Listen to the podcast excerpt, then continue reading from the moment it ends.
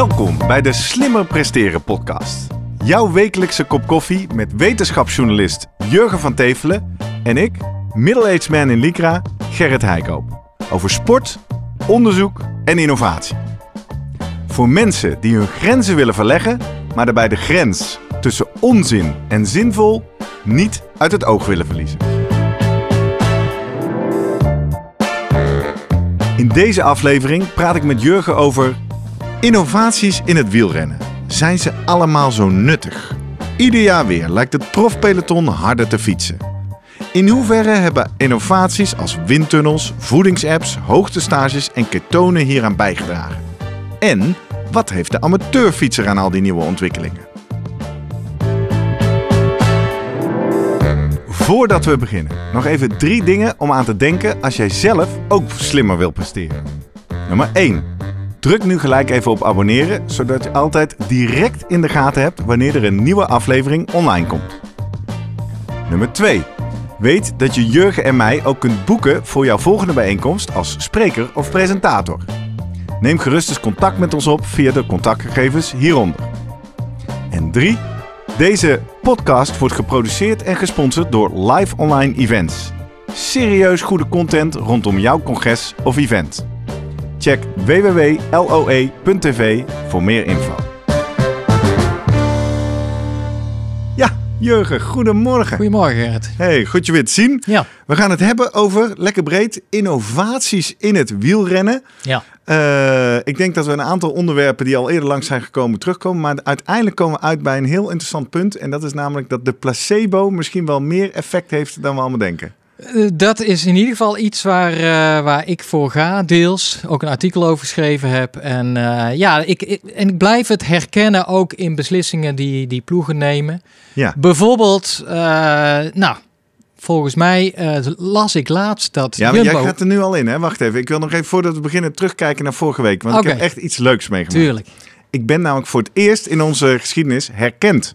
Ah, vorige ja, ja, ja, ja. Had je vorige... je shirt aan dan nee, of zo? Nee, ik had niet eens mijn mooie slimmer presteren t-shirt aan. Nu wel trouwens. Hier uh, voor de kijkers op YouTube. We zitten weer eens terug in de Tames Media Studio in Amsterdam. Um, ik uh, was uh, met mijn bietensap gaan ja. rennen natuurlijk. Uh, oh, op de Henschoten Meer Games. Ja. En ik sta daar aan de start en Carlo van Echtdom spreekt mij aan. Hij zegt, hey, ik ken jou van de podcast. En later, hier heb ik het in beeld staan, komt hij ook op mijn Strava-post. Komt hij weer langs en hij vond het superleuk. Ik hoor op de podcast wel terug of je effect van de challenges merkte vandaag. Want had jij ook uh, paarse tanden nog en zo? Uh... Nee, die waren geloof ik inmiddels wel weg. Okay. Ik moet bekennen, ik heb uh, het bietensap nog niet structureel in mijn menu opgenomen. We zijn ja. nu een paar weken verder als ik al iets gemerkt heb, dan is het dat ik. Uh, maar ja dat, ja, dat kan ik niet valideren. Het zat dan tussen mijn oren. Maar ja. een aantal keer in dat rondje moesten we door het Mullenzand. Ja. Dan ging de hartslag natuurlijk flink omhoog. En schoten meer, ja. Ik had het gevoel dat ik daar snel van herstelde. Ja, ik weet dus niet of dat komt omdat ik dat bietensap door mijn aderen visualiseerde, wat dat openzette en ja, het zuurstof naar mijn Deed je dat ook eigenlijk? Ja, ja, ja, ik zag het gaan okay, natuurlijk. Ja, ik zag het gaan. Of dat dat kwam omdat ik gewoon nu zo lang zoveel in uh, D1 getraind heb dat ik überhaupt uh, conditioneel goed ben. Maar dat heb ik gemerkt. En het tweede wat ik heb gemerkt van onze vorige opnamedag, daar zat, uh, ja, het is inmiddels voor de luisteraars al een tijdje geleden, maar ook onze pijnchallenge in, mm -hmm. waarin wij stijf onze arm in het koude water hielden. Ik had spierpijn in mijn bicep. dus alsof ik alsof die, dat, dat tegenhouden ja, ja. van die pijnrespons, daar had ik spierpijn van. Okay. Ja. En jij? Je hebt je behoorlijk uh, geforceerd toen eigenlijk met die challenge. Ja, natuurlijk. Om, jij wou ook per se winnen, hè, van mij. Ja, ja, ja. Dat was het andere aspect waar we natuurlijk aan terugkwamen. Ja. Nou ja, nee, ja, ik, ik had zelf zoiets van... Uh, terugdenkend van uh, hoe in het begin, hoe ja, ik dacht echt, nou ja, 10 seconden, misschien 15 seconden. En dat je toch later uh, toch merkte, hé, hey, ik ga hier uh, aan wennen. Ja, ik houd erop dat het gewoon langzaam warmer werd. Mm -hmm. Puur dat het, uh, ja, de, de, de, temperatuur van het ijswater... Maar het was een mooie challenge. Ja. Misschien kunnen we dat in het uh, vervolg uh, vaker Dat gaan we zeker vaak doen. We hebben ook veel leuke reacties gehad. En die uh, gaan je door de komende afleveringen ook horen. Voor de mensen die deze podcast nu voor het eerst kijken of luisteren. Wij draaien dus een aantal opnames op één dag. En dat spreiden we uit over een aantal weken. En in deze aflevering gaan we dus een aantal onderwerpen van eerdere afleveringen terugkijken. Want je zei al, je begon al. Ja. De aanleiding om het hierover te hebben is een artikel artikel op jouw website. Placebo, een wondermiddel in het huidige wielrennen. En toen ik dat las, zag ik toch dat we al gauw het gingen hebben over uh, vermogensmeters. Ja, onze aflevering uiteraard. 1 en data. En Ja. eh, nou, daar hebben we daar ook nog iets leuks over. We gaan het natuurlijk hebben over alle mogelijke herstelmaatregelen die we tegenkwamen in aflevering 2. Ehm, ketonen komen ook langs, aflevering 24. Eh, maar goed, dit is een soort grote Ja. synthese over wat is nou zinvol en onzin. Vooral voor ons als amateurs. En dat heeft ook te maken met het feit, nou, Jumbo-Visma, ik bedoel, eh, ja, petje af voor wat zij natuurlijk de afgelopen vijf jaar bereikt hebben. Van het, van het lelijke eentje in het peloton naar eh, een ploeg die, nou, tot de, tot de ene laatste dag de gedoodverfde tour, de tourwinnaar had. Maar waar ik een beetje allergisch voor, voor ben geworden, merk ik, is het feit dat zij bijna in elke zin wel het woord innovatie gebruiken. En, dan, en dat gaat ook gepaard nu met, met de reclameboodschappen. Eh, volgens mij maken ze reclame nu voor M-Line matrassen. Ja, Eh, ik het zag- verhaal daarvan is, zij slepen al jaren Ja. naar ieder hotel in Frankrijk een vrachtwagen vol Precies. met matrassen mee. Zodat iedere renner op zijn eigen customized matras kan Maar liggen. daar zijn ze daar uniek in. Eh, daar is Sky natuurlijk ooit mee begonnen. En ik snap wel, kijk, vroeger werd je al als ploeg gewoon eh, weggestopt in een of ander oud hotelletje. Ja. En die Franse hotelletjes waren ook niet allemaal zo even fris en noem maar op. Dus ik kan me voorstellen dat matrassen daar soms wel eh, erg of hard of super zacht, dat je gewoon niet lekker sliep. Nee. Nou, we weten uit aflevering 2 Ja, het belang van slapen. En eh, nou ja, we gaan... want eh, uiteindelijk, hè, voor de mensen die die aflevering niet gehoord hebben, eh, van alle herstelbevorderde maatregelen is de meeste dingen zijn onzin. Nou ja, of genuanceerder, hebben een placebo-effect, wat ook een effect is. Behalve slaap. Dat is het enige wat echt telt. Ja. Dus eigenlijk is Sky, denk ik, Skyploeg is begonnen met hun marginal gains natuurlijk. Dat ze zei, nou, we denken dat er in het wielrennen toch nog wel wat te halen valt. Eh, als we nou al die kleine details misschien, of die kleine dingetjes gaan verbeteren. Ja. Nou, dan hebben we die laatste paar procent te pakken waar het om draait in topsport. Ja. Nou, en ik denk wel dat het wielrennen, nou, als je 10, 15 jaar geleden, 20 jaar geleden vergelijkt, dat, dat ging er best wel amateuristisch misschien aan toe. Ja. Nog Bij steeds. sommige ploegen nog Ja, steeds. hè? want Movistar, nou, die Netflix-documentaire, eh, nou, die laat gewoon zien van ja, het zijn eigen gerijde eh, wielrenners die eh, weinig op hebben om voor de ploeg of voor anderen iets te doen. Ja, het gaat er een beetje aan toe van, nou, we, zien wel wat schipstrand vandaag. En, eh, en ook vroeger werd je gewoon als wielrenner gewoon losgelaten in de winter. Ja. Nou, de, de koers begint eh 1 april ergens eh, met eh, het nieuwsblad, omloop het volk. Eh, nou, kijk, zorg dat je goed aan de start staat. Ja, het mooie van die documentaire is eigenlijk, je ziet, het zijn net mensen. Hè? Ja. En het is eigenlijk een soort contrast tussen de meeste van ons komen wellicht, als je niet zo betrokken bent bij het wielrennen, alleen tijdens drie weken Tour de France in aanraking met wielrennen. Daar is het super strak voor elkaar, super professioneel, televisie, alles. Maar ja, die andere maanden en die, de renners die net dat niveau daaronder zitten, ja, Ja. dat is... eh, Dus ik bedoel, eh, en logisch, want eh, soms wordt ook gezegd, ja, maar vroeger waren die marginal gains allemaal niet belangrijk, want de doping deed toch alles. Dus ik bedoel, Ah. nu dan, dat zijn dan de suggesties, nu de doping eh, verdwenen is, in ieder geval minder geworden, moet je dan toch op andere niveaus gaan kijken, waar kunnen we nog winsten halen? Ja. Maar dan doe je dat bijvoorbeeld inderdaad door na te denken, oké, wa- wat kunnen we verbeteren? Ja, matrassen, logisch. Daar hoef je volgens mij geen onderzoek voor te gaan doen. Dat als je lekker ligt, goed slaapt. Ja. De vraag is En, eh, alleen, moet je dat extreem dure M-line matras... Oh, Precies. weer een sponsor down Ja. the drain, daar Ja. hebben we hier een handje van. En als je misschien helemaal niet lekker op dat M-line slaapt. Hè? Want Ja. ik bedoel, eh, ik, ik wissel ook nog wel eens van matras. En dan eh, merk ik, hey, dit, dit bevalt wel, dit bevalt niet. Ja. En jij schrijft ook in je stuk eigenlijk, eh, ja tuurlijk, goed slapen heel belangrijk. Een goed matras is altijd beter dan een slecht matras. Maar wetenschappelijk gezien steunt dit nergens op. Nee, dit, is geen dit, dit hebben ze niet een eh, placebo gecontroleerd met een, met een andere matras. Van, niet van M-line of noem maar op. Nee. En om dat nou innovatie te noemen, ja, ik vind het nogal overdreven. Het is mij meer eh, ja, logisch nadenken. En, eh, maar goed, de ketonen bijvoorbeeld. Ja, hebben Ja. we al een hele aflevering aan Precies. besteed. Nou, weinig of geen eh, wetenschappelijk bewijs. En toch blijft Jumbo-Visma volharden nog in het gebruik daarvan. Ik kwam ook de- bij de Tour nog eens een keer langs. Bij eh, Van Aert volgens mij kreeg ik de vraag of, of Roglic. Van ja, doen jullie dat nog steeds? Ja, dat doen we nog steeds. En terecht stelt hij dan, ja, of het werkt, weten we eigenlijk Nee, niet. Marijn Zeeman, Ja. oh ja, of deze renner maar Marijn Zeeman heeft ook in de podcast In het Wiel laten Ja. vallen dat hij eigenlijk niet zo goed weet of dit wel werkt. Nee, hij denkt zelfs dat hij over een paar jaar gebruikt het niet meer. Mm. Ja, dat zal hetzelfde met bietensap zijn. Ik geloof niet meer dat ze dat gebruiken. En dan de, op de vraag van, maar waarom doe je het dan? Ja, nou ja, omdat we nog steeds misschien doet het toch nog iets wat we niet weten bijvoorbeeld. En heel belangrijk, we willen eh, ja, aan de grenzen bezig zijn. We willen die Ja. competitive edge, noemt hij dat, opzoeken. Ja. Ja, dan, dat snap ik dan In, wel. in, in de zoektocht naar concurrentievoordeel is alles geoorloofd. Ja, en dan heb je renners die het gevoel krijgen van ja, deze ploeg. Man, de, de, de, de, de- hier gebeurt het. We zijn op zoek steeds naar die, die kleine eh, gains die we kunnen halen. Als je dan bij Movistar zit en daar, eh, daar ja, daar, daar, daar, daar moet je nog zelfs knokken voor een, misschien een, een, cappuccino-apparaat in Ja, in ja, je ja, bus, ja. ik noem eens wat. Of je gaat bij de bus van Jumbo-Visma kijken, waar ze de afgelopen Tour zelfs ja, dit was weer een soort infuus hadden hangen, maar dat was allemaal om de aerosolen te filteren bijvoorbeeld. Oké. ja, hey, Dus dit is de ploeg waar ik bij wil zitten. Het, het effect wat ze daarmee bogen is dat, dat alle randvoorwaarden zijn zo goed en Ja. zo strak georganiseerd dat enerzijds, dat helpt natuurlijk, want in ieder geval is er geen afleiding of gaan er geen dingen mis Ja. in het organisatorische. Je, je, je bed staat klaar, je slaapt goed, er wordt goed voor je gekookt in de kooktruck. Maar eigenlijk misschien nog wel belangrijker, er gaat een soort metaboodschap vanuit. Jij hebt het hier het allerbeste van Precies. alle ploegen, dus jij kan Ja. hier ook de beste Wij prestatie zitten op leveren. het front van de wetenschap, van de innovatie. Ja, terwijl Hier dat stel je zijn. dus ter discussie. ja, we doen allemaal dingen nou die allemaal helemaal- wetenschap is en Nee. over innovatie, dat vind ik een beetje, ja...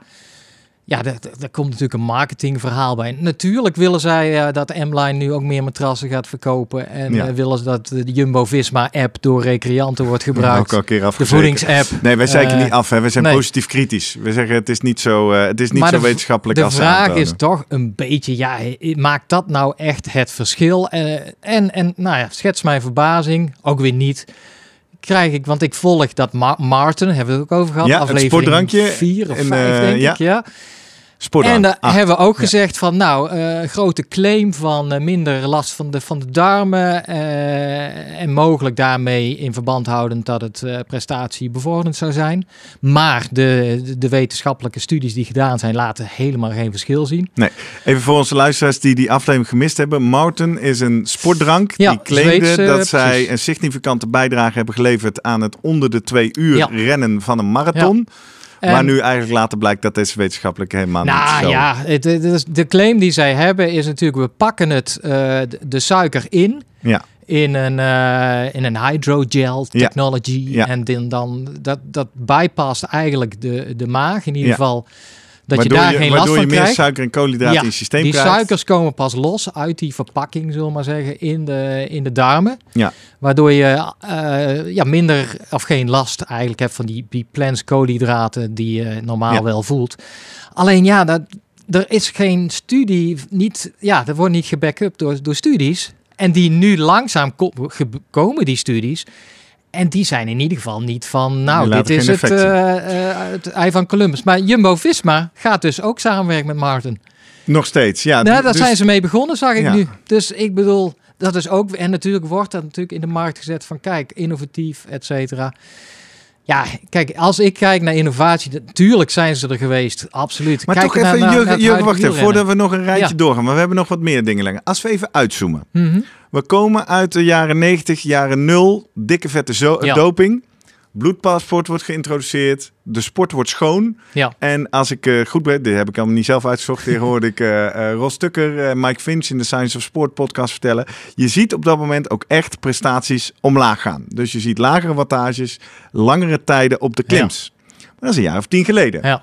We zeiden net ook al in de intro. We zijn nu in de afgelopen tien jaar terug op een punt dat in 2020 belachelijke tijden worden gereden. Sneller dan ooit. Dus zelfs sneller dan in de dopingtijd. Ja.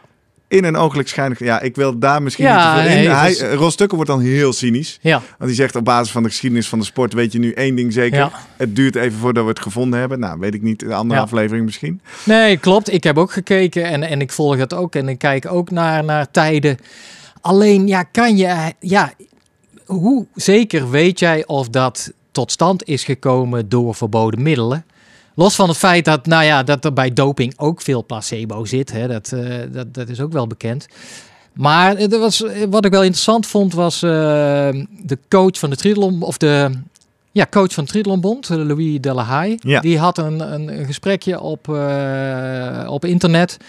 Hem werd gevraagd en hij, hij zei erg, ja, kijk, het verschil is ook vroeger hadden die renners een ontzettend druk programma. Hè? Mhm. Voorjaarskoersen, eh, nog een tour, misschien nog een grote ronde. Mede door corona en mede door het feit dat ja, eh, ploegen groter zijn geworden.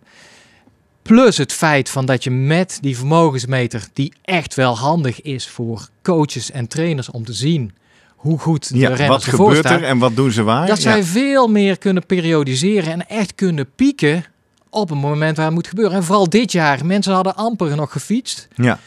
Ja, Die iedereen was lekker uitgerust, wil je zeggen? Ja, iedereen was kritisch, iedereen was uitgerust. Ja, vlak dat ook niet uit. Eh, plus het feit van, kijk, eh, de top 10 tegenwoordig, ja, die, die ontwijkt elkaar niet eens zoveel. Hè? De- de- Nee. Dus die top is gewoon, denk ik, ontzettend breed geworden. Ja.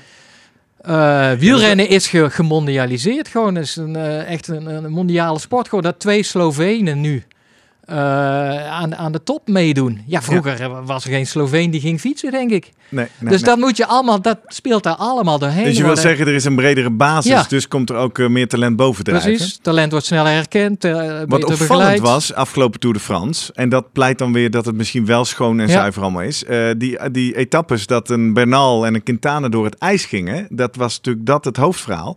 Maar er bleven wel 15 man, Ja. hè, de Oerans, de Porters, de Ja. Lopersen, de Martinez, Bleven bleven, gewoon, allemaal ja. hangen. Ja, Dus terwijl Jumbo-Visma daar zo omhoog aan het kijken, konden eigenlijk best wel veel Ja. mensen mee. Precies, goed voorbeeld daarvan. En ook de, de manier van fietsen lijkt ook dat men nu in de gaten heeft hoe belangrijk dat pacen is. Hè? Dus Ja. je eigenlijk die energie eh, gelijkelijk eh, verdelen over de race. Daar hebben we het natuurlijk ook over gehad. Niet van die gekke demarages en dan weer en weer een keer aanzet. Weer. Nee. Ja, dat, dat, waarmee verspil je energie. Dus de koers is ook veranderd. Je ziet gewoon het. eh, vroeger had men niet in de gaten dat, denk ik, in, in een achter elkaar fietsen op een berg ook nog voordeel gaf. Ja. Eh, los van het feit van je wil vooraan zitten, maar ook aerodynamisch scheelt het iets. Scheelt natuurlijk lang niet zoveel als eh, op het vlakke. Maar ik denk dat die kennis van die aerodynamica ontzettend belangrijk geworden is. De fietsen zijn natuurlijk veel beter En geworden. lichter. Ja, nou ja, dus als je 6,8 dat allemaal. Ja. samenbrengt, dan kan ik me voorstellen dat er nog steeds eh, ja, sneller misschien gefietst wordt. Ga je, kom je terug eigenlijk bij de basis waar die vermogensmeter wel belangrijk voor is. Is de renner dusdanig veranderd beter geworden? En dat is denk ik groot vraag. Dus als je het kijkt op het gebied van VO2 max, Ja. conditie, op het gebied van anaeroop drempelvermogen, dus waar, waar zit die lactaatdrempel? Ja, dat is het jammere. Je weet gewoon niet hoe Eddie Merckx, daar hebben ze misschien... Nee, daar hebben we die data niet van, Nee. wil je zeggen. En Nee. vooral de vermogens daar, want vermogen is natuurlijk wel intrinsiek het gegeven van hoeveel energie kan een renner genereren. Interessant. Objectief. We horen deze Tour de France twee renners op camera zeggen. Ja. Zowel Bernal, vlak voordat hij eruit ging, als Tom Dumoulin tijdens de laatste tijdrit. Ja, Ik trap mijn hoogste waardes. Of de, nee, Bernal Ja. zei, ik trap dezelfde waardes die ik altijd trap, maar ik kan ze gewoon niet bijhouden. En eh Dumoulin bekent eigenlijk na de tijd, nou, ik, Ja. ik weet niet wat, wat die Pogacar gedaan heeft, maar ik trap wereld eh, WK-waardes. precies. Ja. Ik kan dit nooit halen. Ja. Nou, enerzijds interessant hoe, eh, over, hè, over placebo, mentale kracht. Als je tegenstanders op tv Ja. gaan roepen, wij kunnen jou nooit bijhouden. Wat geeft eh, je dat voor vleugels? Ja. Eh, jij hebt een artikel gevonden ook. Wa- wa- wat is dat met die Pogacar? Wat maakt hem zo goed? Ja, dat is, eh, nou ja, dat blijft natuurlijk een beetje gissen en vaag en noem maar op. Eh, in dat artikel zegt zijn coach van, eh, nou, dat is ook het wel het nadeel misschien van die vermogensmeter, dat iedereen nu wel weet ook een beetje van wat men de andere trappen. Hè? Dus ja, bij wat ze kunnen. Tom Dumoulin heb je het vaak over 6 watt per kilo. Ik heb, eh, dat zet ik ook in de show notes. Die gegevens zijn allemaal beschikbaar eh, gesteld vorig jaar door uh, bewegingswetenschappen van een, in een wetenschappelijk tijdschrift en gepubliceerd. Dus die mag je vertrouwen. Ja. Dus je mag ervan uitgaan dat hij ongeveer eh, 6 watt per kilo getrapt heeft. En nou, dan ga je natuurlijk gissen van, want Pogacar had ook geen vermogensmeter. Even, even toch voor de iets minder onderlegde kijkers en luisteraars. Want uh, we komen zo Ja. bij Guido Vroemer. Die was hiermee in het sportjournaal ook. eh, maar 6 watt per kilo, wat betekent dat precies? Ja, je gaat uit van een, een vermogen wat, wat dan eh, eigenlijk hangt een beetje rond de 400, 420. Ja, dat, Is het dat is de prestatie. Ja, is het vermogen wat zij ongeveer een, een uur kunnen volhouden. Daar ligt Ja. hun anaerobe drempel. Dus dat is eigenlijk, daarmee kun je met de Drie zuurstof uit. zeggen ook sommigen. Drie Ja, kwartier, drie kwartier ja. een uur. Een lange tijd. Dan kan je lange tijd op, op je zuurstof, terwijl je toch steeds een beetje lactaat produceert. Ja. Want Ja. we weten het, hè, lactaat is, is goed eigenlijk. Ja. Je wil er alleen niet te veel van hebben, want dan, gaat het gepaard vast. met... eh, precies. Maar een beetje, dus ja, als, zolang jij die, die concentratie hetzelfde houdt, dan zit je dus rond die anaerobe drempel te fietsen. En waarom zeg je dan per kilo? Ja, omdat dat op het vlakke is eigenlijk het absolute vermogen belangrijk. Eh, heb je al je belangrijkste tegenstander is je luchtweerstand. Bergop, dan wordt de zwaartekracht je belangrijkste tegenstander. En eigenlijk is dan, eh, ja, hoe, dat, hoe meer kilo's je dan meetorst, ja, hoe, eh, hoe meer die zwaartekracht eh, tegen je werkt. Dus vandaar dat men juist voor ritten waar geklommen moeten worden, het graag uitzet in eh watts Zes- per ja, kilogram lichaamsgewicht. En we hebben eerder al een keer in de aflevering over vermogensmeter gehad, ook over die, die fysiologische grens, hè, die Ja. we verwachten rond de 6,5. Jij was aan het zeggen, de waardes van Tom Dumoulin, wat laten die zien? Ja, die laten zo dus, de, de- afhankelijk een beetje van de klim, et cetera, dan komt hij uit, als het gaat om een, om een, eh, een inspanning van half uur, drie kwartier, inderdaad van die, eh, die 5,96. Ja. Dus gevacht dat hij bij de WK dat trapte en nu ook. Ja. Pogacar, we weten het niet, maar ja, je kan het best wel... Het is, het is hele simpele, nou ik, ik zeg simpel, we hebben gewoon die, de rolweerstand, we hebben de luchtweerstand en we hebben de klimweerstand. Ja. En een heel klein beetje mechanisch weerstand. Hoe goed is die fiets nog? Nou ja, en dan zie je, je kunt dus op het vlakke is die luchtweerstand is, is dominant. Nou, die kan je, eh, als jij je, ja, je CDA-waarde, dus je aerodynamische waarde weet, en die hangt grotendeels af van hoe opgevouwen jij op je fiets zit. Ja. Dus hoe, hoe groot jouw frontale... En die moeten we even goed onthouden, hè? die. CDA-waarde, Ja. oftewel een, een indicator eh, die aangeeft hoeveel luchtweerstand krijg je, want daar gaan we Ja. het eh, zo Ja, eigenlijk is CDA-waarde, als je kijkt naar eh, een relatie tussen snelheid op de x-as en vermogen op de y-as, dan krijg je weer zo'n exponent, dus eigenlijk tot de derde macht. Dus bij lage snelheden, dan heb je niet zoveel power nodig. Maar Nee. ga je op een gegeven moment boven de 40, 45, dan schiet dat omhoog. Dus bij elke kilometer per uur extra, dan moet je echt heel Veel meer veel vermogen meer vermogen trappen. En eigenlijk geeft het CDA-waarde, geeft het ja, eigenlijk de richting van hoe stijl dat verloopt aan. Dus een lage CDA dan, ja, dan, dan ga- gaat die, eh, die stijging minder snel. Ja. Een hoge CDA, vang je veel wind, dan zul je bij lagere snelheden al zien dat die omhoog En hier zit een hint, Ja. denk ik, voor de belangrijkste les voor de amateurs, hè, die we in deze aflevering ook willen maken. Want eh, we gaan het niet te veel hebben over vermogensmeter. Nee. We gaan straks met Guido ook even praten over wat kun je nou doen om die luchtweerstand omlaag te krijgen. Ja. Want let's face it, de meeste van ons fietsen toch het meeste in de polder hier in Nederland. Precies. En zeker als je dus van 36 per uur naar 38 per uur of naar 40 per uur wil, dan Ja. zit daar de sleutel. En inderdaad, profs gaan allemaal de windtunnel in. Of allemaal, eh, de, de toppers. Ik Ja. ben toen, eh, ja, ik heb een boek geschreven. Ja, dat weet ik. Ja. Ah, nou, ik ben toen ook de windtunnel in geweest, komen kijken. Nou ja, en dan, dan, dan zie je ook wel de haken en ogen die daar een beetje aan zitten. Ja. Want nou, Beukenboom was eh, een hele dag in een hele koude luchtstroom was het. In één houding dan eh, op die fiets Uitzoeken. gaan zitten. Ja. En dan elke keer een meting van eh, een paar minuten. En dan een andere helm en een ander shirt. zadel iets hoger. de hoek waarin dat triathlonstuurtje zeg maar zit. Ja, eh, de vraag is dan, hoe gaat het in het echi? Kun jij dan eh, ook nog wel vermogen strappen in die houding en Ja. eh, op die manier? Ja. Plus, je komt hele gekke dingen tegen. Want je zegt van, nou, hij, een, een helm, als hij, hij bleek een helm met een vizier. Ja. Dan zou je zeggen, daar, daar stroomt die lucht Ja, toch die is mooi glad van Ja. voren, daar stroomt de lucht goed omheen. nou, totdat ze erachter kwamen dat hij eh, terugkwam uit de meting. En zei, ja, ik had een heel raar geluid, een kloppende boorgeluid. En dan keek ze, ja, je had wel eh, best een, een redelijke CDA-waarde, was wel verbeterd. En toen kwam je achter, ja, mijn vizier stond, eh, stond, niet, stond niet dicht. Dat was Oké. aan het kier.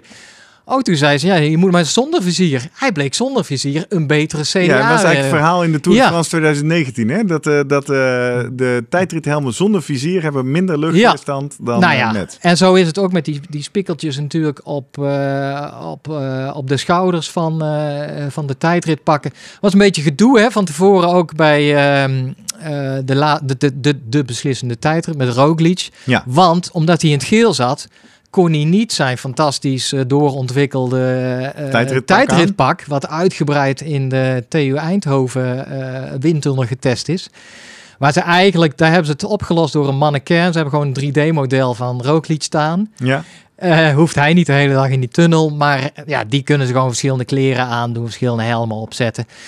Maar hij moest het doen met eh, eh, het tijdritpak van de organisatie. Ja, en die had natuurlijk niet die gleufjes en die spikkeltjes. Dus dat ging hem misschien wel al een, een, halve minuut kosten.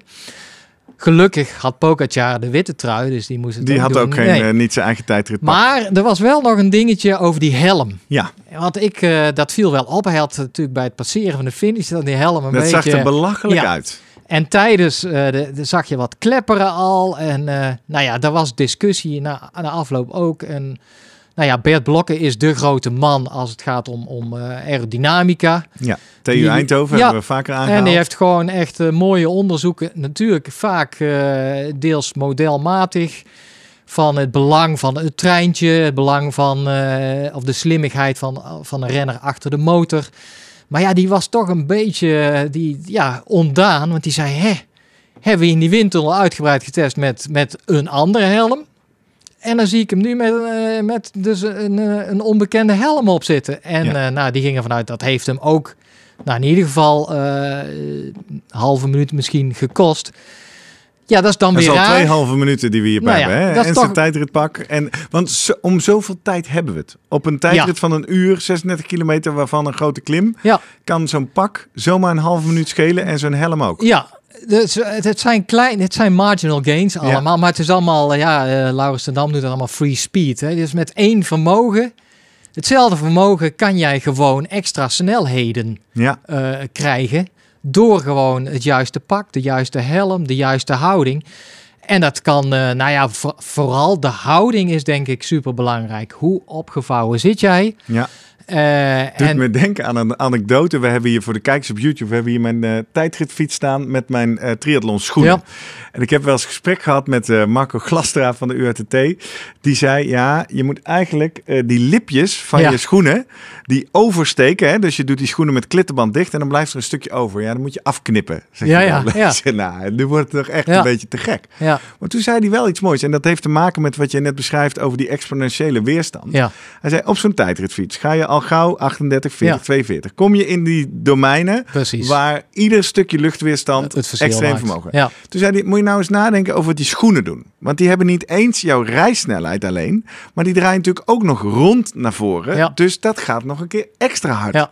Ja. En ga mij dan maar vertellen dat we een paar centimeter stof. eh, Klopt. waar- Ja. Waarom zou je die dwerg meenemen? Dus eh, ja, ja, dat- maar dat, daar zit ja. wel wat. Ja. Nee, maar- en dat zit natuurlijk ook in de fiets zelf. Ik bedoel, als, je, als er vooruitgang is geweest, is het ook de fiets met eh, sowieso dichte wielen, maar nu ook hogere velgen. En, Ja. Ook aerodynamisch, los van het feit dat ze licht zijn en, en makkelijker sturen, makkelijker schakelen, zijn ze ook aerodynamisch gewoon beter. En dan ja, met name de tijdritfietsen nog meer. Dus ik bedoel, die innovaties hebben zeker hun bijdrage geleverd. We gaan eh, zo eh, nog even zoomen met Ja. Vroemen. Over eh, specifiek nog wat meer over windsnelheid. En hoe je nou als amateur, wat je nou kan doen om daar winst te pakken als Ja. je niet naar de windtunnel kan. Precies. Maar met het risico, dat zeiden we van tevoren, dat dit een super chaotische aflevering wordt. Ik wil, we hebben nog wat haakjes geopend. Want Ja, je, hebt, bent begonnen over die vermogensmeters. Over dat rekenen aan die vermogens. En toen vroeg ik jou, Ja. wat is dat nou? 6,5 per kilo. Eh, als je Guido Vroemen, at Sportharts, volgt op Twitter... dan eh, zag je rond het einde van Tour de France... was hij te gast bij het Sportjournaal... waar ze hem ook hierover bevroegen. Hè, was die prestatie van Pogacar nou onmenselijk of niet? Dan gaan er opeens allerlei Ja. klapbriefjes met rekensommen. Ja. Thijs Zonneveld en Guido Vroemen krijgen het met elkaar aan de stok op Twitter. Want, leg nog één keer uit, we lijken hier aan de grens van het menselijke te komen. Wat is ja, dat? nou? dat is ook wel eh, eh, ja, ergens iets van zolang het onder die 6,4, 6,5 voor een uur blijft, dan zegt men, ah, het kan. Ja. En daarboven zou, Zou het is het fysiologisch onmogelijk zijn? En dat is, maar daar heb je het al. Daar is begonnen met eh, zo- zo'n Fran, Franse eh, Festina-dokter. Die heeft een site van, eh, ja, what's normal in het Frans, denk ik. Of, Ja, eh, ja. En die houdt al die eh, prestaties bij. En die rekent dat ook om naar wattage. En die gebruikt dan dat stoplicht van Ja. rood. Nou, dit kan echt niet. Oranje, verdacht groen. Als een soort indicatie dat wij vanaf de bank eigenlijk de doping al zouden moeten Ja. kunnen spotten. Alleen daar heb je altijd aannames, zolang je niet die echte getallen weet. Dus van Tom Dumoulin weten we in ieder geval van, vanuit dat stuk wat gepubliceerd is in een wetenschappelijk tijdstip. Dat is volledige waren? transparantie. Ik weet, Thijs Zonneveld heeft wel eens inzage ook in de, de cijfers van Jumbo-Visma. Heb je altijd iets, ja, welke cijfers overleggen ze precies? Eh, ik heb bijvoorbeeld ook wel eens gepleit voor eh, een ander artikel, gooi ik op de show notes, een vermogenspaspoort. Doe daar maar niet dat? te moeilijk over van het vermogenspaspoort is eigenlijk, eh, nou ja, Guido werkt veel met dat critical power model, waarbij je eigenlijk ziet wat, wat zijn de vermogens in, in, eh, in één minuut. Dus eigenlijk die anaerobe tank kun je eruit Ja, halen, wat ja. kan iemand presteren. En dan heb je natuurlijk, als je dan het vermogen in de tijd uitzet, begin je hoog en dat zwakt af naar een bepaalde asymptoot. Mhm. En eh, nou, dat is eigenlijk jouw vermogensprofiel. Ik zou zeggen, nou, eh, hou het bij van, eh, van mensen vanaf het moment dat zij eh, serieus gaan fietsen, zeg maar. En eh, ja, laat daar, daar wat eh, AI op los uiteindelijk van wat eh, normaal is of niet. wat, wat binnen de, de En als je normale dan range kan gekke vallen. veranderingen ziet, kan dat aanleiding Binnen zijn een voor ronde ineens, bijvoorbeeld. Of Ja. binnen tussen twee etappes zou dat aanleiding kunnen zijn voor. Ja, kijk, met die discussie van, van Guido en, en, en, en Thijs bijvoorbeeld, dan merk je gewoon, ja, Thijs zegt ook van, ja, ik, maar ik heb gekeken naar vermogens van andere renners, heb geïnformeerd. En die geven aan dat zij, nou ja, hij zegt de getallen, jij zegt ook niet de renners, dus dat blijft ook gissen. Ja, dan, en hij gebruikt dat deels om te zeggen, ja, dan moet Pogacar misschien wel boven die 6,5 hebben gereden. Hmm. Of in ieder geval eh, voor dat hele stuk rond die 6,5. Ja. En Guido zei nee, hij heeft alleen voor die beklimming dat gedaan. Aan de hand weer van zijn model. Maar met En model, hoe kunnen. zwaar is die renner? Wat is die CDA-waarde? ja, die luchtweerstand, Ja, dat zijn allemaal aannames in die En berekeningen. dan kom je uiteindelijk, en dan kun je natuurlijk in het verleden kijken van wat deden zij in tijdritten. Dus eh, daar een hand schattingen maken, ook voor die. eh, maar dat blijft gewoon eh, ja, een sport op zich voor, ja, voor, voor mensen die het leuk vinden om met modellen te werken. en, Nou ja, en mensen die kritisch kijken naar die prestaties in de Tour. Ik wil op basis hiervan nog één laatste onderwerp even kort aansnijden. Wederom Ros Stukker, onze Ja. podcast die we ook allebei veel luisteren. Die zegt, hieraan gerelateerd, die vermogensmeters, en daar hebben wij in aflevering 1 toen we het hier hadden ook even kort genoemd, die maken de koers kapot. Want het geeft die renners de gelegenheid om inderdaad de hele tijd op hun kritische vermogen te zitten. Ja. Het hardste wat ze kunnen. Daardoor rijden ze nu als een soort tijdrit omhoog. klopt. Eh, vandaar zegt Ja. hij ook die snelste tijden Ja. ooit. Want vroeger was er koers, was er gelinkerbal. Ja. Maar waren er ook demarages. In een demarage ga je tijdelijk boven je kritische power. Oftewel bouw je verzuring op. Ja. Dat, daar moet je een prijs voor betalen. Klopt. En eh, op dit moment rijden onze vrienden van de Jumbo, Wout van Aert en Step Koes, rijden zo hard structureel tegen die kritische power aan, dat iedereen weet, als ik nu demareer, Ja. betaal ik een prijs Precies. waar ik nooit, hè, dat risico ga ik niet nemen. Toen zei hij, weet je wat we moeten doen? Fietscomputers van de fiets.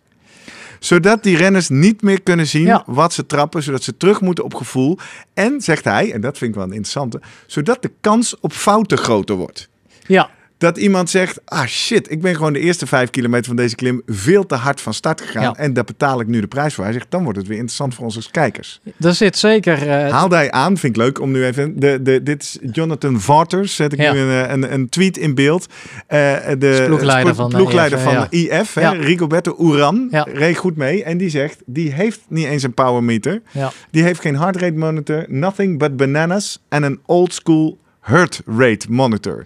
Dus hij zegt, hij doet het al. Hij Ja. rijdt zonder fietscomputer. En dus ik vraag me ook die discussie ook steeds. Ja, Maarten de Croo is ook erg van de, van de skybots die alleen maar op hun, hun mates te kijken. Ik vraag het me af of zij echt op dat moment kijken van... zit ik dus op mijn 430 watt, dat is eh, nou, mijn anaerobe drempelvermogen, te trappen. Want daarvan weten ze inderdaad, dit hou ik lange tijd vol. Ja. En inderdaad, wat je zegt, als je daarboven gaat... dan neem je zo'n hapje uit die anaerobe tank... Ja, En eh, da- ja, die betaalt zich uiteindelijk terug. Want die moet toch weer aangevuld worden. Ja, En daarvoor moet je weer iets rustiger aan doen. Ja, kom ik toch weer terug van, eh, nou ja, Pogacar, de tijdrit in ieder geval, zonder vermogensmeter, zonder Oh ja? tellertje. Ja, omdat, ja, die krijgt gewoon de opdracht. Ja, jongen, ga maar gewoon lekker, eh, eh, ja, zo maar die hard gaat er niet mogelijk. voluit. Je moet zich toch in dat eerste stuk ook pacen? Ja, maar in hoeverre, stel eh, dat jij een uur gaat fietsen. Ja, En dan weet jij, dan heb jij toch ook al iets van, ah, wat is een uur?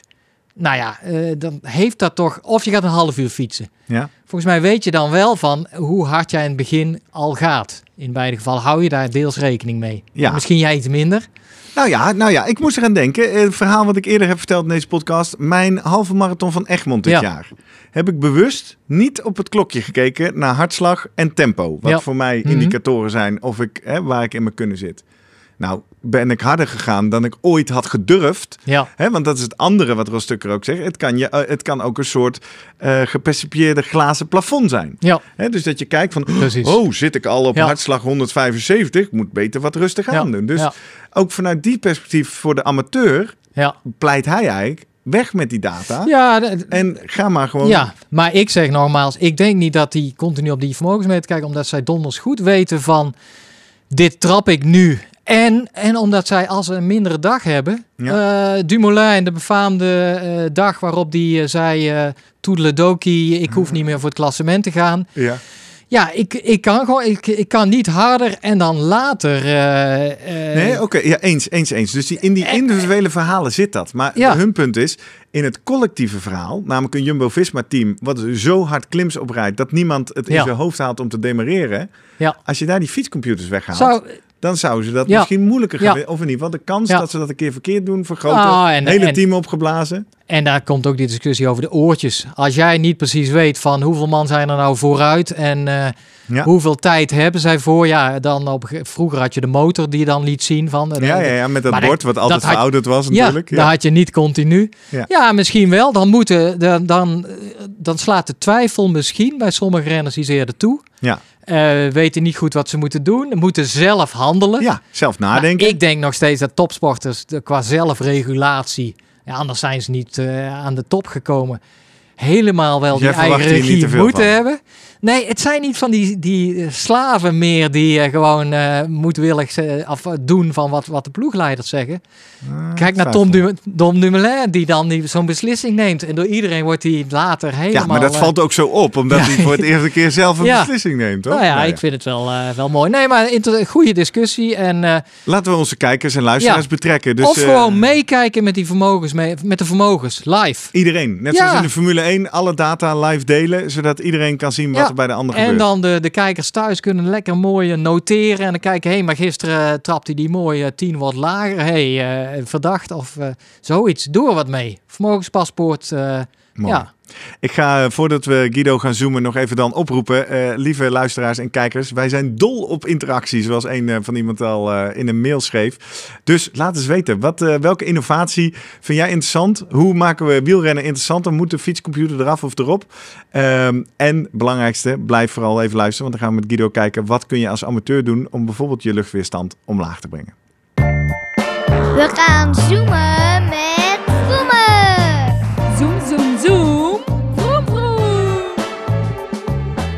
Guido, goedemorgen. Goedemorgen. Hey, goedemorgen. Goed je weer te spreken deze ochtend. Ik eh, zit al een poos eh, koffie te drinken met, Jochem, eh, met Jurgen over eh, eh, innovaties in het wielrennen. Dan gaan we daar, volgens mij hadden we daar het hele gesprek met jou mee kunnen spreken. Maar we willen met jou even specifiek inzoomen op wat voor slimme je dingen je nog kan doen op het gebied van de luchtweerstand. Aero. Jurgen heeft mij net al een beetje uitgelegd over de CDA-waarde, oftewel eh, die factor die bepaalt hoeveel eh, weerstand je van voren hebt. We hebben ook al geleerd dat als je naar de hogere snelheden gaat, 38, 39, 40, dat de, die luchtweerstand heel snel heel veel belangrijker wordt. Wat kun jij met ons delen aan, aan tips, inzichten, slimme dingen die je kan doen om, om als amateur daar ook eh, snel beter mee te worden? En, en met name omdat we natuurlijk niet allemaal de windtunnel in kunnen. Eh, Nee. die, die is toch alleen voor de toppers weggelegd. Dus of er andere manieren zijn om die aero snel wat te verbeteren. Dat weet jij wel, denk ik. Ja, ja, ja, weet je, het- aerodynamica, de CDA-waarde waar je, waar je het al over had, daar zitten twee factoren eigenlijk in. Dat is de, de- ten eerste de CD-waarde, dat is een constante. En ehm, de andere is de A. En dat is ehm, je oppervlakte, je frontale oppervlakte. Mhm. Nou, die CD-waarde, dat zegt iets, eigenlijk iets over de vorm van het lichaam en die wekt turbulentie op van de lucht die er omheen gaat draaien. Oké. Die vorm kun je natuurlijk wel een beetje eh, aanpassen, maar ja, je bent jezelf en je kunt, daar niet, je kunt niet van een vierkant een druppel maken. Nee. Dat wordt lastig. Maar je kunt het een beetje gaan tweaken en ook ehm, bepaalde stofjes hè, van kleding, wat ze dus toepassen, helpt daar ook bij. Maar dat zijn hele kleine verschillen. Ja. Die A-waarde, frontale oppervlakte, dat maakt wel veel uit. Of ik zo op mijn fiets ga zitten, en je ziet me zo op de camera dan, Ja. Ja. of ik ga helemaal mijn kop intrekken en mijn schoudertjes smal, of dit. Dat maakt al heel veel uit op mijn frontale oppervlakte. Ja. En hoe kleiner die A-waarde is, hoe minder luchtweerstand je gaat opwekken. Eh, redelijk logisch. Laten we even bij het begin beginnen. Mensen op een wielrenfiets. Hè? Want we zien hier eh, achter mij ook een eh, triathlonfiets hangen. Dan ga je natuurlijk vanzelf al klein zijn. Ja. Nou, nou zit ik op mijn wielrenfiets zondagochtend. En ik wil zo hard mogelijk over die dijk tussen Amerongen en Wijk. Wat moet ik doen? Waar moet ik op letten? Wat, wat is dingen die mensen snel vergeten? Hard trappen. Ja, Ja. Nee, oké, oké. Ja, dat, dat is denk ik ook wel een ding. Dat mensen dan zo gefocust zijn op die houding. Maar daarbij eh, eigenlijk gewoon niet meer goed kunnen trappen. Niet meer hun vermogen kunnen leveren. Dus ja, dat is nou ja, dat zit een eh, optimum. Hè? Je moet hard kunnen trappen en je moet weinig weerstand opwekken. Ja. En als je in een positie gaat zitten waarin je heel weinig weerstand opwekt, dus heel in elkaar getrokken en zo heel klein, dan kun je misschien niet meer zoveel trappen. Nee. En dan is het misschien het optimum bij al voorbij. Dus daar moet je tussenin gaan zoeken. Dus je moet nog steeds goed hard kunnen trappen. Ja. En je moet proberen je daarbij zo klein mogelijk te maken. En Dus eigenlijk is het, je gaat liggen op je stuur. Je moet je eigenlijk proberen smal te maken. De meesten hebben wel een lichtstuur. Ellebogen Ja. tegen elkaar. En dan je schouders intrekken. Dus hoofd tussen de schouders planten. En proberen zo, nou ja, zo klein mogelijk te maken. Alsof je door een gaatje moet fietsen waar je eh, echt zo klein mogelijk doorheen wilt. Ja. Dat moet je voor je houden. En daar moet je eigenlijk, dat moet je proberen vast te houden ehm, met je tempo, waardoor de snelheid dus het hoogst wordt. Nou, heb ik meteen al wel een paar vragen over. Ik, ik heb dus zo'n fiets en ik, eh, ik doe aan triathlon, dus ik heb wel eens zo gelegen. Maar oh man, mijn Ja. nek, jongen. Ik kan die kop niet eh, omhoog houden. Dus Ja. eh, nou, ik heb echt letterlijk al een keer meegemaakt. Dan laat ik de, af en toe doe ik het hoofd maar naar beneden. Nou, ik heb al een keer echt op een stuk hout gezeten. dat ging maar net goed. Ik ben trouwens ook al een keer Ja. echt flink gevallen op een kuil. Ja, dan Eh. zie je dus, dat is ook gevaarlijk. Ja. Heb je nog Ja. tips? Of is dat gewoon nekspieren trainen? Ja, daar zit wel een stukje training in. Je kunt alles wel trainen. Maar als je, ehm, als je zeg maar na vijf minuten zo zit en dat je dan al van klachten hebt, waarschijnlijk zit je dan wel te agressief voor als je het in een triathlon wil doen. Kijk, als je een, een proloog wil rijden van, van nou, zeggen drie kilometer, dan is het nog wel vol te houden. Maar als je een uur, twee uur of misschien wel vijf uur moet rijden, dan moet je toch meer comfort hebben en dan moet je toch inleveren op je aeropositie. Oké. En dus moet je wat omhoog. Want anders eh, heb je, houdt het gewoon niet vol.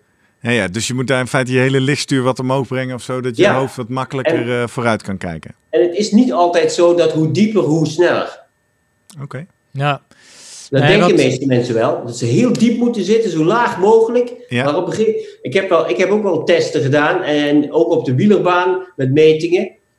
Daar bleek gewoon uit dat sommige mensen die, als ze op een gegeven moment nog dieper gingen zitten, dat hun CDA-waarde omhoog ging. Ja. Hoe dan? In de A of in de CD? Ik denk, Ja, dat kwam dan, het- daar kreeg je dan eigenlijk het totale pakket uit. Ja. Of het dan Ja. de A of de CD werd, dat maakt eigenlijk dan niet uit. Het hele getal werd hoger. Want ze Hm. moesten meer vermogen leveren voor diezelfde snelheid. Maar dat zie je ook als je terugkijkt naar, dat deed ik nog, eh, naar Le Mans-Fignon. Die eh, befaamde eh, tijdrit eh, destijds met dat 8 seconden verschil. Le Mans werd natuurlijk geprezen van kijk eens, wat een innovatie, wat een slimmigheid. Maar die had best wel een breed eh triathlonstuur. Ja, ja. Waarbij ze ook heel vaak in de begintijd van de triathlon allemaal horizontaal eh, stonden zo'n beetje. Ja. En Ja. tegenwoordig zie je veel Ja. meer dat er een hoekje is mijn, is. maar dat is mijn volgende vraag. Die fiets hier, voor de kijkers op YouTube, die hier bij ons in de set hangt, die heeft eh, Ja. de bars redelijk eh, recht vooruit. Ja. Maar al die nieuwe jongens zie ik met, soort van met de onderarmen voor het gezicht. Wat, wat, wat Ja. betekent dat? Wat is dat voor inzicht? Ja, dat heeft meer te maken met, ehm, ook ze hebben wel windtunnelmetingen gedaan, dat als je je, je handen en dan met name je vuisten zo voor je gezicht hebt, Ja. Dat dat eigenlijk als een soort, nou ja, zeg, splijten van de lucht voor je komt en dat die daarom om je heen buigt. Dan als die lager is, dan heb je zeg maar meer een, een open stuk tussen je hoofd en die handen, als een soort tochtgat, Ja. waardoor er meer turbulentie ontstaat. Nou ja, als het Ja. ware meer lucht schept. Ja, ja klopt. Maar ook dat is niet voor iedereen hetzelfde. Eigenlijk geldt dat echt bij, bij, bij windtunneltesten en, en aerodynamica testen. Wat bij de een wel werkt, hoeft bij de ander niet te werken. Hmm. Ja, want jij doet ook aerotesten, hè? Volgens mij met een greenscreen-achtige setting en dan Ja, dus- eh, een programmaatje. Klopt. Kun je daar iets, iets eh, over vertellen? Nou, dat, is eigenlijk, dat heeft hetzelfde te maken met die CDA. Mhm. En eigenlijk werkt deze aerotest met een groen screen. En dan zet je een camera voor iemand, frontale opname. En alles wat achter hem is, dat is dat groene scherm, kun je wegfilteren. Dan blijf je eigenlijk alleen als wielrenner over. Ja, kun je hem heel je mooi zien uitknippen. Als je iemand smaller maakt, Ja. of breder maakt, hoeveel dat uitmaakt in oppervlakte. Ja. Die CD weet ik helemaal niks van. Nee, Want dat kan je niet meten, dan moet je dus de windtunnel doen. Ja. Dus die zetten we op een constante waarde van 0,7. Wat eigenlijk gemiddeld is voor een, eh, een, een, een renner in lichtpositie. En dan kun je die A zo klein mogelijk maken. En dan ga je echt iemand leren van, nou ja, met, met die helm en ingetrokken kop, kom je dus zo lager uit dan een andere positie of een andere helm. Over de helm gesproken hadden wij het ook al in deze aflevering even over. De helm van, eh van Roglic, eh dat ging ook niet helemaal lekker geloof ik eh, op dat einde van die Tour de France. Ehm, even weer amateurs, zinvol en onzin. Ehm, in de triathlon lopen jongens met hele dure fietsen en druppelhelmen met zo'n gekke punt erachter. Vanaf welke snelheden wordt dat zinvol eh, Ja, nou ja, je moet in ieder geval boven de 40 rijden. gemiddeld? Ja. Ja, Oké, dus zolang Nou ik ja, nog lekker op die weet je- 38, 39 Ah, zit, hoef ik nog niet aan de, aan de druppelhelm. Als je, als je boven de 40 rijdt en dan op de stukken die je boven de 40 rijdt, dat hoeft niet gemiddeld, hè, dan, Ja. daar heb je er wel het meeste nut van. Als het lager de snelheid wordt, dan wordt het, het voordeel daarvan wordt echt steeds kleiner. Als je nog maar 30 rijdt, ja, dan zou ik niet met een druppelhelm eh, gewoon eh, daar geld in gaan investeren, want dat, Ja, Dat nee, ja, hier, hier hou ik van. Dit Ja. is de essentie van de Slimmer Presteren podcast. Ga nou niet zo'n Ja. dure drippel. Want je loopt dus ook nog voor schut met die helm. Maar ja, dan moet je dus ook echt wel boven de 40. Maar eh, hieraan aan gerelateerd. Ja, Gerrit heeft dus eh, een echte tijdritfiets en een gewone racefiets. Terwijl ik heb gewoon een racefiets waar ik af en toe een triathlonstuurtje wel op doe. Ehm is een goede discussie, want ik kreeg een appje dus van iemand van de UHTT. Die, die kon dus een tweedehands, een hele goede eh, tijdritfiets kopen. En dan vroeg je aan mij advies. Ja, ik denk vanwege de podcast. Ja, vanwege de podcast natuurlijk, ja. dus ik zei sowieso, je, moet, het, je moet het uitproberen. Toen zei hij, nee, maar ja, er is nog een voordeel van een echte tijdritfiets. Ten opzichte van gewoon een triathlon sturen op een gewone racefiets, zullen we maar zeggen. En het feit dat je toch iets naar voren zit. En daarmee, zei hij, dan belast je eigenlijk je andere beenspieren of op een andere manier. En juist eh, ontspan je meer de spieren die je nodig gaat hebben voor het hardlopen. Wat klopt er van dat verhaal Ja, eigenlijk? Fact check, fact check. Is dit waar, Guido? ja, het is, er zit wel wat in, dat klopt. Weet je, in een tijdrijfiets, als je op een gewone racefiets alleen maar een stuurtje zet, Ja, En dat is dan gewoon je, eh, je positie voor de triathlon. Mhm. Dan verandert er niks aan je zit. En Nee. dan is de afstand. eh, ja je gaat ook iets, iets automatisch iets naar voren wel voor het punt van je zadel, maar het is Ja, natuurlijk niet zo maar extreem. eigenlijk een tijdrijfiets, dan, dan zie je wat er gebeurt. Dan gaat iemand, als je iemand vanuit een racefiets naar tijdrijfietspositie gaat, dan gaat hij wat omhoog en naar voren toe. En aan de voorkant wordt hij eigenlijk gekiept. Mhm. In deze positie. Wat het gevolg daarvan is, is dat de heuphoek, die wordt meer open gezet dan bij een ehm, racefietshouding. Je, je schakelt eigenlijk ook meer je bilspier en je quadriceps. Dat zijn de spieren die je ook op de eh, wegracefiets eh, hebt. Ehm, het meest gebruikt is, die schakel je wat meer in. Maar het is niet zo dat je ze dan ehm, eh, ehm, andere spieren voor, die je voor het lopen nodig hebt, dat je die dan rust kunt geven. Of Nee. ontspant. Of, dat niet. Het is wel een iets andere manier van belasting. En de, de heuphoek helpt ook daarbij. Maar eh, de overgang naar het lopen ehm, eh, zal niet heel anders zijn. Het zal Nou, eh, iets als, kunnen als helpen. ik mag aanvullen, niet, niet alleen vanuit mezelf, maar onze looptrainer Marco Glasta, die heeft er wel eens over uitgelegd aan mij. Als je die heuphoek op de fiets groter hebt, Ja. is het makkelijker om tijdens het lopen een grotere paslengte te houden. Want als je dus heel erg opgevouwen hebt zitten, zit dat heupgewricht vaster en duurt het dus langer voordat je ruimer Nou ja, en is- opener loopt. wat, wat, wat veel triatleten denk ik wel merken zelf, zeker als ze een lange afstand doen. Als je heel lang voorovergebogen ligt op die fiets en je moet na twee uur of misschien na lange afstand na vijf uur rechtop en dan gaan lopen, dan is die eerste kilometer en misschien wel die eerste drie, vier, vijf kilometer is best moeizaam. Dat loopt ook helemaal niet lekker. En dat is natuurlijk ook wel even weer wennen. Als je dus heel diep zit en je hebt ook gewoon heel veel ehm, eh, stuurkracht uit je benen gehaald, dan is het lopen heel stug en stijf. Ja, ja. En daarom, je kunt ook beter zeg maar in dan het laatste stukje van, die, eh, eh, van, die, van het fietsparcours gewoon kleiner verzet gaan draaien. Hè, meer Even, even de benen losfietsen. Ja, Ja. ja. Het voelt zo stom. Die tip had ik. Dat was de allereerste tip voor mijn allereerste altijd. triathlon. Iemand die dat zei. Maar het voelt zo stom. Heb je zo hard gefietst en dan schakel je licht en dan ga je hartstikke langzaam. Terwijl Nee, ik denk alleen niet, maar. hè. Nee, ja, maar dat gebeurt wel een beetje vanzelf. maar je moet net zo hard blijven fietsen. Ah, ja, nou ja. Maar dat eh, brengt mij op mijn niveau. Hè, en dan denk ik, ja, dat, dat vind ik dus een voordeel van een, een race-stuur met een opzetstuur. Je kan gewoon afwisselen. Eh, en steeds weer even van positie wisselen. Wat ik wel fijn vind. En dat lijkt mij zo'n weet, echte... je, weet je wat er voor, de, voor jouw? CDA Ja, de- betekent? Ja, maar voor mijn mentale gevoel, eh, niet het gevoel dat ik continu eh, in elkaar eh, gekropen zit, zeg maar, opgevouwen. Ja, Ja. dat is, eh, de, en dat lijkt bij een triathlonstuur ben je eigenlijk gedwongen, of een triathlon of een tijdritfiets, zo gedwongen in die ene houding Nou, alles te Je doen. hebt toch ook die eh, dingetjes waar je moet ja, maar dat doe, je, dat doe je alleen maar bij het begin, toch? Nee, bij de Gebruik bocht. je- Ja, bij, Bij de de bocht. bocht. Oké, even, Even- bij de even bocht. rechtop. eh, Nee, maar ja, het is het verschil tussen wat vind je het belangrijkste? Lekker prettig fietsen of gewoon zo snel mogelijk? ja. Ja. Ik zal nog wel even dan nu voor de goede orde, omdat dit toch de Slimmer Presteren podcast is, uitleggen waarom ik inderdaad twee fietsen heb gekocht. Want uiteindelijk heb ik ook gewoon een racefiets. Dat is gewoon een denkfout geweest. ik eh, ben namelijk met triathlon begonnen. Ik heb toen een, een stalen rosje voor 50 euro van Marktplaats getrokken om eerst maar eens te bewijzen dat ik dit inderdaad zo leuk vond.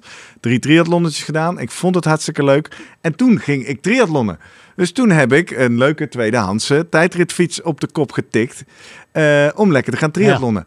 Wist ik veel, dom, ik had nooit naar de Slimme Presteren podcast geluisterd, dat je daar niet mee in groepen mag fietsen. Dat je niet mee mag Nee. met de groepstraining van de club, Ja. weet ik veel. Dus toen ik dat ding eenmaal zo mooi had staan glimmen, kwam ik erachter, oh, ik heb eigenlijk ook gewoon nog een gewone racefiets nodig. Dus nu heb ik er twee. Ja. Ah, hij hangt Ja. hier wel. Het is een mooi meubelstuk eh, een geworden. mooi stuk Ja. decor hier in de Ja, streek. het decorstuk heb je wel. Zeker. Hé, maar dan de laatste, allerlaatste vraag. Zo'n aero-test bij jou, Guido. Wie, wie, wie raad je dat eigenlijk dan nog aan? Van, ja, eh, wanneer wordt dat interessant? Dat is eigenlijk je vraag. hè? ja, maar vanaf niveau? welke snelheid, welk Ja. niveau zou je zeggen, nou, ga dat maar eens doen. eh. Ja, de, de snelheidsmonsters, hè, die zijn natuurlijk wel, die, die hebben daar echt wel wat aan. Hè? Dus als je, ehm, eh, als je een uur, en dan hebben we het over gemiddelde weersomstandigheden, als je dan gewoon boven de 40 kunt rijden, ja, en je hebt inderdaad zo'n tijdrijfiets. En je hebt een Ehm, helmdruppel, een druppelhelm. Ja, nou ja, en je maakt, je, weet je, je maakt daar eh, ehm, ook werk van dat je denkt, nou weet je, ik wil ook gewoon zo snel mogelijk zijn. Ik denk, ja, ik wil op een, een, een, een lange afstandstriathlon, wil ik gewoon minuten winnen. ja. En ehm, nou hoef je niet de hele lange afstandstriathlon altijd boven de 40 te rijden. Als je tussen de 35 en de 40 heb je ook nog wel winst. Alleen ja, hoe langzamer, hoe minder de winst wordt. Hè? Ja. Dat zei ik al. Ja. En ik, ik doe dan inderdaad die aerotesten met zo'n scherm. Maar tegenwoordig heb ik ook een, een, een mooie nieuwe tool. Leuk. Gadgets, ja? Ja, wat Ja, heb je? Wat heb je? gadget. en en eh, dat is een, Nocio Connect Oeh. sensor. En dat is eigenlijk gewoon een metertje voor op je fiets Ja. met een, een, een pitot-tube, heet dat dan. Een soort eh, rietje wat aan de voorkant eruit steekt. Aha. En die meet alle weersomstandigheden. Die weet de tegenwind, die weet je acceleratie. Hij is gekoppeld aan je vermogenmeter. En al die gegevens verzamelt hij, de snelheid natuurlijk. Hè? En dan kun je achteraf met het vermogen wat je hebt geleverd, en dan heb je die snelheid met die wind tegen gehad, dan weet hij, denk ja, dan heb je deze CDA-waarde, want dat is dan de weerstand. Die, volgens mij had je die toen bij Jetse Plat voor het eerst, eh, toen hij dus Ja. een eh, poging ging doen. Ja, die heb Oké. ik toen inderdaad in de, op de baan al Ja. bij hem daar al getest. En toen kwamen we een beetje uit op een CDA-waarde, verschrik niet. Eh, hij zit een beetje zo op eh 0,18, 0,17,5. Ja, dat dat zegt mij nog niks. Vergelijk, vergelijk dat eens met een wielrenner. Wat doet een eh, gemiddelde Tom wielrenner? Dumoulin zit denk ik op, eh, als hij heel goed en heel klein wordt, zal hij op 0,20 kunnen uitkomen misschien. Zo. Jetsen zit daar nog onder, maar ja, hij zit daar ook inderdaad letterlijk onder, want hij ligt, Ja. zit bijna op de grond, hè, zo laag. Ja. Maar jouw eh, gemiddelde triatleten die je begeleidt, eh, waar ben je blij mee? niet 0, laag. 022, 023? Of, eh, Nou, dan, dan zit je echt heel, bij al heel goed. Ja, De meeste zitten zeg maar rond de 24, 25. Ik word nu wel Ja. nieuwsgierig naar Kai Reus? Of mag je dat niet zeggen? Hij is net naar de windtunnel nu, dus dat hoor ik hij is nu naar de winter. Oké, dan horen we dat de volgende keer graag. Ja, Voor de Ja. mensen die het gemist Maar hebben. die nee, moet heel laag komen. Weet Ja. je, als hij niet heel laag uitkomt, als je, eh, want, want Kampenaert zat volgens mij op 19, Ja. 0,19, misschien nog iets daaronder. Ja, dan moet je dat ook hebben. Ja. Of je moet gewoon uber ja vermogen. vermogens gaan rijden. Ja. Hè, dat je echt zoveel extra hebt, ja, dan red je het wel.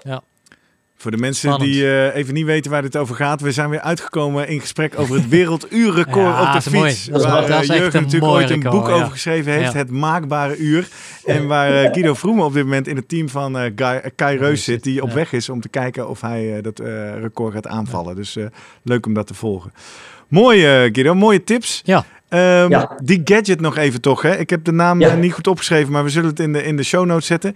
In, hoe experimenteel of algemeen verkrijgbaar is dat al? Is dat iets eh, wat we Nou, die dadelijk is al verkrijgbaar. Ja, Hè, dus Nocio is N-O-T-I-O en OTC. Ja. Ja. en Connect is K-O-N-E-C-T.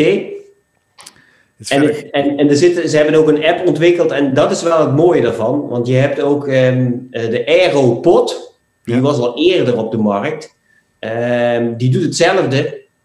Alleen daar moet je altijd mee van de fiets af, aansluiten aan de computer, uitlezen, berekenen en weer ni- opnieuw. En de Nocio Connect heeft eigenlijk een app, dus je kunt meteen op je telefoon downloaden, die, die file daarin zetten en kijken van wat is het resultaat. Ja, oké.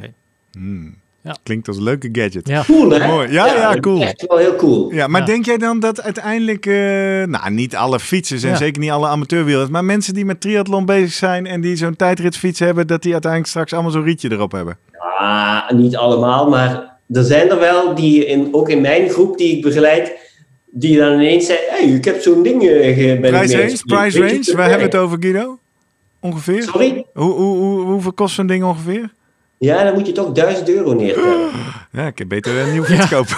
ja, precies. Lichtwiel Dat schrikt wel weer een beetje Ja, af laat maar, voor laat eh, maar. Ik de vond het leuk, ik luisteraar, vond het leuk, maar Ja. eh, die, dat wordt hem niet deze Ja, kerst. maar nooit. Ja. Hey, eh, leuk Guido, dankjewel voor deze nuttige tips. En eh, toch ook eh, de relativering. Dat aero wordt belangrijk, maar wel als jij op de rechte stukken goed flink boven de 39, 40 uur gaat, dan kun je echt dit soort dingen gaan optimaliseren. Ehm, en wie weet komen we wel eens bij je langs om eens even wat te spelen met de greenscreen en de test en de, de No-Show Connect. Ja, Daarmee komen we aan het einde van deze aflevering over innovatie in het wielrennen. Het ging alle kanten op. We hebben heel veel onderwerpen geraakt. Dus ik kan me voorstellen dat je ergens wel iets gehoord hebt waar je op wil reageren. Wat je wil corrigeren, wat je wil aanvullen, waar je een vraag over hebt. En dat kan op een aantal manieren. Via social media, @slimmerpodcast. op Twitter en Instagram. We maken van iedere aflevering een post en daaronder kun je natuurlijk reageren. Je kan ook naar onze website www.slimmerpodcast.nl. Daar zie je ook van iedere aflevering zijn eigen pagina waar je ook eh, op kan reageren. En uh, nou, wij reageren altijd terug. We vinden dat leuk als je het doet. Of als je zegt, nou ik hou daar niet zo van, uh, ik doe het wel even één op één. Dan kun je ons ook e-mailen via post.slimmerpodcast.nl. En als je echt fan bent, dan moet je misschien maar eens overwegen om vriend van de show te worden op vriendvandeshow.nl slash slimmerpodcast. Daar kan je donaties achterlaten, zodat wij nog vele jaren door kunnen. En dan kun je ook een audiobericht inspreken. Nou, wij vinden dat leuk om te horen. Wij laten dat ook horen als het eenmaal zover is. Tot zover. Dankjewel Jurgen. Ja. Dankjewel Guido. Yo. Tot volgende week. Yes.